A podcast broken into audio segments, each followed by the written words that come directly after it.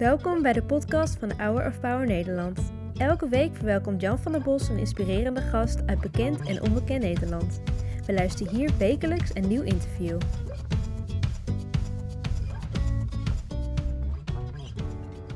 Het koor zong een van de favoriete hymns, Great is Thy Faithfulness. Jan-Peter, uh, je groeide op in het voor vele onbekende dorp uh, Capelle Bieselingen. Je werd minister-president, maar hoe werd nou die Zeeuwse jongen, die in een diepgelovig gezin opgroeide, minister-president? Ik kom uit een warm nest. Ik kom uit een gelovig nest.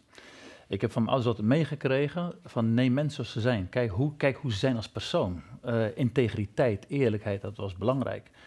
Ik heb het geloof meegekregen. En leg niet zomaar een blind geloof in instituties, want ook kerken maken fouten en ook mensen maken fouten. Maar het ging altijd de vraag, waar gaat het echt om? Ja.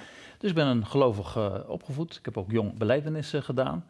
En mijn ouders waren ontzettend actief in maatschappelijke organisaties. Dus ik heb van jongs af meegekregen, zet je in voor de maatschappij. Het is denken en doen.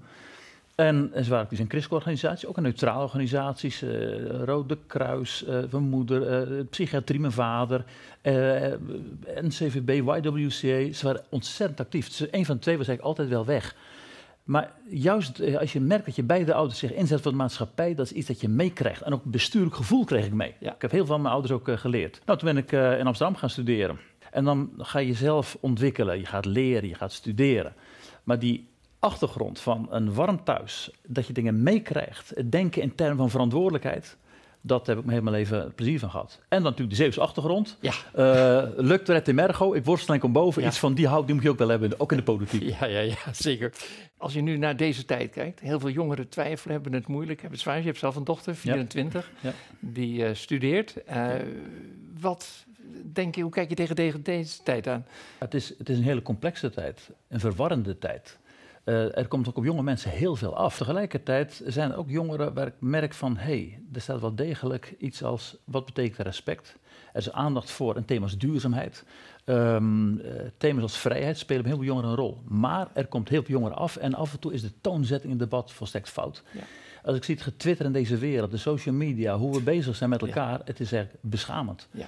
Uh, terwijl je juist wil dat mensen respectvol zijn tegenover de ander. Ja. En het, jongeren zullen hun kompas moeten vinden je verantwoordelijkheid. Je bent er niet alleen voor jezelf, je bent er ook voor de ander. Denk aan deze planeet.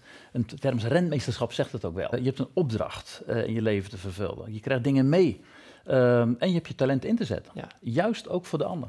Ja, dat is mooi. Even terug naar je politieke betrokkenheid. Fractievoorzitter van het CDA, Tweede Kamerlid, politiek leider van het CDA.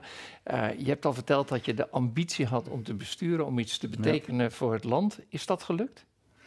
Ja, ik heb mijn best gedaan. Ik heb ja. me ingezet. Uh, nou, 18 jaar minister-president is geen kleinigheid. Het is geen kleinigheid. Um, kijk, ik ben al jong uh, raadslid geworden in Amsterdam. Ja. Ik heb het 16 jaar gedaan, met heel veel plezier. Ik werkte op jonge leeftijd al bij het wetenschappelijk bureau van mijn partij. Het denken van de partij. Denken over verantwoordelijke samenleving.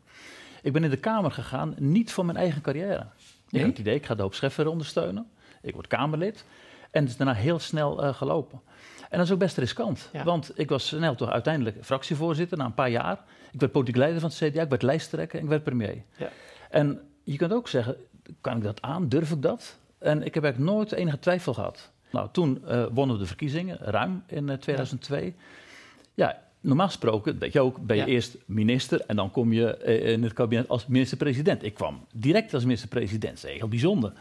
En ik heb ook toen eigenlijk nooit twijfel gehad. Um, omdat ik dit voelde als het een opdracht. Ik zit hier niet voor mijn eer en glorie, ik zit hier puur voor de belangen van dit land. Ik heb een missie, ik heb uh, uh, de opdracht om taken op te pakken.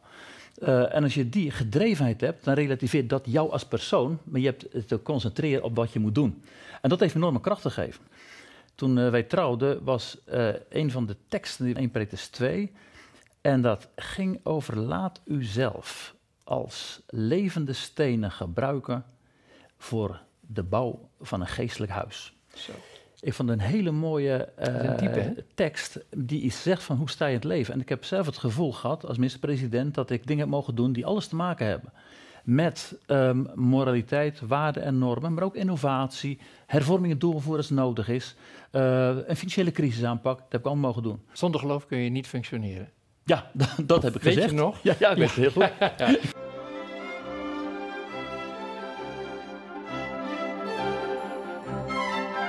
trof me wat u zei over, over de zondag. Een dag van reflectie, een dag om na te denken over waar het fundamenteel op aankomt. Uh, ga ik gelijk vragen, waar komt het fundamenteel op aan bij u? Nou, fundamenteel is natuurlijk wat mij betreft mijn eigen geloof. Uh, omdat je zonder het geloof ook niet kunt functioneren. Nou, dat hoef ik de kijkers van Our Power niet duidelijk te maken. Ja, het is, het is een mooi fragment, uh, maar ik heb het wel geweten. Zo. Ja. Nou zeg. die, zonder geloof kun je niet functioneren. En kijk, de vraag die jij mij stelde, dat is natuurlijk helder. Ik heb het over zoals ik het geloof uh, beleef, zoals ik politieke bedrijven beleef. En zo zei ik dat ook eerlijk. Maar gelijk Kamervragen. Wat denkt de premier wel? Mag je zo'n zo opmerking wel maken? In de Tweede Kamer op maandag, ja. direct op zondag na de uitzending. Vragen werden gesteld. En ik ben nog heel goed. Kijk, normaal gesproken zo, als je vragen krijgt, die worden voorbereid door je ambtenaren. Ik heb zelf, wacht even dat zal ik zelf doen. Dus ik heb zelf het antwoord geformuleerd en ook duidelijk gezegd. Ik sprak hier vanuit mijn overtuiging. Ik respecteer iedereen, ook mensen die niet geloven, dat is niet het punt. Maar als je mij vraagt waar sta je, dan wil ik dat ook zo kunnen zeggen. En heb beantwoording gedaan, nooit meer over gehoord. Kijk, heel goed. Als minister-president slingerde je ook de normen en waarden aan. Daar deed de pers smalend over. Maar bij het grote publiek sloeg het wel aan. Want in die tijd waren we erg op zoek. Ja. Waar, waar hangen we ergens? Ja, ik weet nog heel goed toen ik uh, deze thematiek aan de orde stelde, waren normen. Uh, was eigenlijk zo dat in Den Haag de, werd soms belacherd over gedaan. Uh, je werd soms weggezet. je werd bekritiseerd, geridiculiseerd zelfs.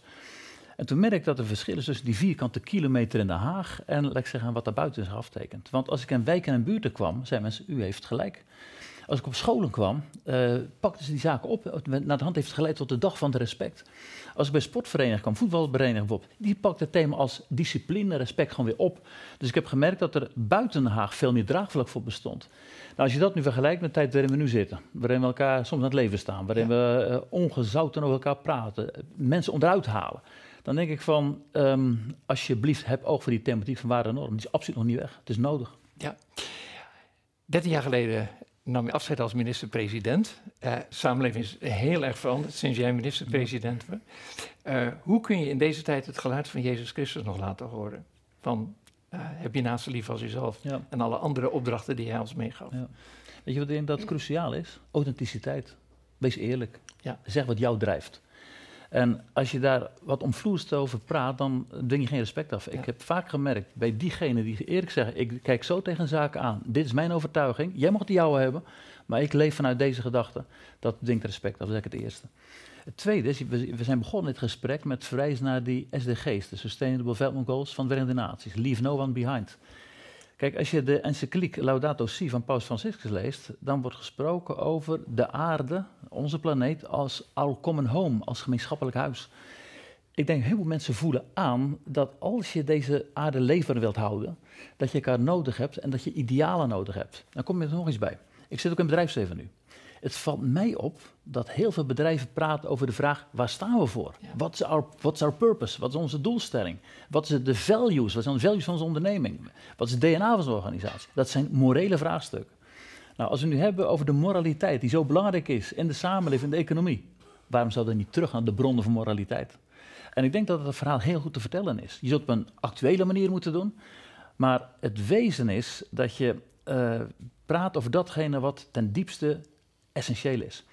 En ik weet nog dat we toen, wat mijn partij ook de moeilijkheden van 1994, zetels verloren. En toen was er een commissie, ik was zelf secretaris uh, daarvan, het was onder leven van, uh, van Frans Andriessen. En de titel van dat rapport was Nieuwe Wegen, Vaste Waarden. Ik zet een dikke streep onder vaste waarden. En dat blijft ook zo. Ja. Er staat een arend op de tafel, die staat hier niet voor niets. Ja, ik het heel goed. Bezoek van uh, dokter Robert Schiller aan het torentje. Ik was net premier. En als je dan minister-president uh, bent en je ziet zo iemand bij je langskomen, dan raad je dat direct al. Ik heb het gesprek nog heel goed. En ik weet ook dat hij in het gesprek op een gegeven moment, uh, waar aan het eind, heeft hij ook een gebed uitgesproken. En heeft toen ook op dat moment um, gebeden voor een belangrijk politiek moment. Ik zou de algemene politieke beschouwingen gaan doen. En hij voelde aan, als je net begint als minister-president, is dat een ontzettend belangrijk moment. Heeft voor me gebeden. En het merkwaardige was, daarna heb ik de beschouwing gedaan en iedereen was eigenlijk vol lof over het optreden. Nou, voor mij was het misschien niet helemaal toevallig. Dominee Schuller mocht vieren dat hij 50 jaar predikant was. Dat is een hele lange tijd voor een, een boerenzoon uit Iowa van Nederlandse afkomst. En we waren met 800 Nederlanders in de Crystal Cathedral, waar je ook gezeten hebt. En Ik weet nog hoe ontroerd hij was toen jij hem als minister-president toesprak. I look back on our meeting with pleasure and gratitude. You gave me a gift, a glass eagle. It now occupies a very special place in my office. Whenever I look at it, I'm reminded of those beautiful words from the Song of Moses. He compares the Lord with an eagle that flutters over its young, catching them, bearing them on its wings. Dr. Schiller, this has been at the heart of the message you've been preaching for more than 50 years. We are all God's children, safe under His wings, in good times and bad. Faith fills our lives with joy and inspiration. With this message, you've given millions of people all over the world strength and courage. I myself have the most wonderful memories of the visit that I and my family paid to the Crystal Cathedral in 1990. Thanks to the Hour of Power, your voice can be heard in homes all over the world, including the Netherlands. As you would say, Dr. Schiller, if an idea comes from God, the possibilities are endless. Jan-Peter, je hebt warme gevoelens voor uh, dominee Schuller senior. Uh, je kijkt ook naar Bobby Schuller, ja. zijn uh, kleinzoon. Wat vind je van hem? Nou, ik heb hem mogen ontmoeten in Nederland een keer en met hem gesproken. ontzettend fijne persoonlijkheid, gelovig, um, bindend. En ik vind zijn preken echt enorm inspirerend en stimulerend. En waarom? Er zit zoveel wijsheid in, kennis. Dus ik kijk heel graag naar zijn, zijn preken. Ze raken mij en ze motiveren me. Wat is jouw connectie met Hour of Power? Hour of Power betekent voor mij mensen ondersteunen, toerusten. Uh, mensen aanspreken wat hen bezighoudt. Mensen motiveren. En dat hangt samen, denk ik, met um, het gevoel ergens toe te behoren. En ook, het, en dat is heel sterk als bij Power geweest, leven uit de hoop. We hebben natuurlijk heel veel stimulerende verhalen gehoord van mensen die hele moeilijke omstandigheden meegemaakt, maar door het geloof verder zijn gekomen. Dus het element van hoop geven uh, is denk ik ontzettend belangrijk voor Hour of Power. Dat heeft me altijd aangesproken, altijd. Welke Bijbelse figuur spreekt jou aan? Er zijn natuurlijk heel veel Bijbelse figuren. Ja. Het begint natuurlijk sowieso met Jezus Christus, evident. Um, ik vind zelf uh, altijd heel mooi koning Salomo. Toen de vraag van wat wil je hebben? Dat ja. zei wijsheid. Ja. Uh, het zijn van iemand uh, met een grote verantwoordelijkheid, maar die kiest voor wijsheid, is denk ik ontzettend belangrijk. Als je nu ziet, in de tijd waarin we nu leven, hebben we gewoon wijsheid nodig. En geen ego's of wat dan ook. Je hebt wijsheid nodig. Daarom vind ik dat zo mooi bij uh, koning Salomo dat uh, dat zo speelt. Ja, natuurlijk het verhaal van de barmhartige Samaritaan. Heb je nooit getwijfeld aan je geloof? Nee. Nee? Nee. Nee, kijk, um, ik heb natuurlijk wel heel veel nagedacht over als je nu hele moeilijke tijden meemaakt. De Holocaust bijvoorbeeld, Tweede Wereldoorlog. Die vraag van mensen, waar is God nu? Tuurlijk, dat begrijp ik. Als we nu zien wat er uh, gebeurt met die vreselijke aardbevingen in uh, Turkije en Syrië. Gaan duizenden mensen uh, gaan dood. Als we een afschuwelijke oorlog zien, van Rusland en Oekraïne bijvoorbeeld. Ik, dat geldt voor jou ook, dat raak je dagelijks. Ik doe me pijn, enorm. En dan toch is er echt altijd, heb je een moreel gevast nodig. En ik heb wat dat betreft nooit uh, getwijfeld aan mijn geloof. Mensen kunnen fouten maken. Ja, natuurlijk kun je de vragen. En als mensen de meest ellendige toestanden meemaken, verdriet hebben, je zult familieleden moeten gaan missen. Dan kan het leven ontzettend zwaar zijn. En dan snap ik heel goed die twijfel die ook bestaat. En uiteindelijk is het denk ik toch altijd een zaak van verder komen in je leven. Een, een, een hoop en perspectief hebben. En dan kan het geloof juist een enorm stimulerende kracht zijn. Ja. Dat kun je gewoon beredeneren zo. Maar uh, kijk, ik ben zelf met de economie bezig, dat weet je. Ja de, een van de grondleggers modern economisch denken, dat is Adam Smith. Ja. ja? En vaak is hij uh, aangehaald vanwege die invisible hand in het boek The Wealth of Nations. En vaak wordt dan gezegd, oh wacht even, als iets fout gaat, dat is weer die onzichtbare hand.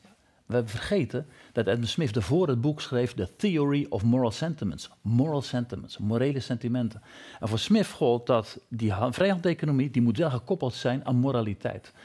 Nou, als ik nu zie de vraag waar we nu tegenop lopen, ook in deze tijd die hebben allemaal te maken met moraliteit. Als ik in een bedrijfsleven zie, wat is de rol van jou als onderneming? Ik merk bij de universiteit, waar ik hoogleraar ben, uh, nu emeritus hoogleraar.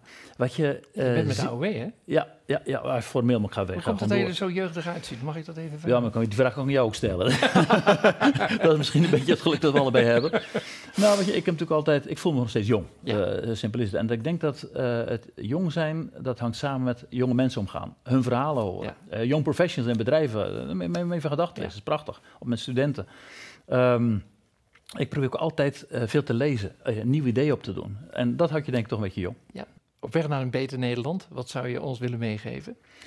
Um, er zijn denk ik twee heel belangrijke dingen. Kies voor de ander en kies voor de toekomst. Kies voor de ander betekent, let niet alleen op je eigen belang, maar denk juist aan anderen. Wat kan voor anderen betekenen? En kies voor de toekomst betekent, uh, ga eens weg van alleen maar het hier en nu. Verder te kijken, denk aan komende generaties. Zorg dat er een menswaardige samenleving kan bestaan, ook op langere termijn. En zet je daarvoor in. Ja, boven dit interview staat met grote letters hoop geschreven. Dankjewel dat je dat uh, met ons wilde delen. Ik heb uh, twee cadeautjes voor je. Dit is de eerste. Dit zijn een aantal uh, uitspraken van Bobby en Dominic Schuller. Oh, wat, wat ontzettend mooi. En wat is voor jou de mooiste quote? Ja, die zit hier. Turn your scars into stars. Ja, ja. Dus verander je wonden in wonderen eigenlijk, ja. als je het vertaalt. Prachtig. Ik geef je dit graag mee. Dank je zeer. En ik kwam er tot mijn schrik achter. Je hebt een mooie bijdrage geleverd aan het boek toen ik 70 jaar mocht worden. En die heb je niet ontvangen. Dus dat vertelde je daar straks. Dus die geef ik je graag nou. mee. En dank voor de mooie bijdrage erin. Dank Jan. En ik wil uh, jou danken voor de goede contacten die we altijd hebben gehad. Ik weet dat heel veel mensen in Nederland zijn die zondagochtend uh, graag naar jou en deze uitzending kijken. Ik hoop dat je nog eens terugkomt bij Hour of Power. En wij gaan luisteren naar een mooie bijdrage van zanger Bedankt voor het luisteren naar het interview van deze week. We hopen dat dit verhaal jou heeft bemoedigd. Wil je meer weten over Hour of Power of andere interviews bekijken? Ga dan naar www.hourofpower.nl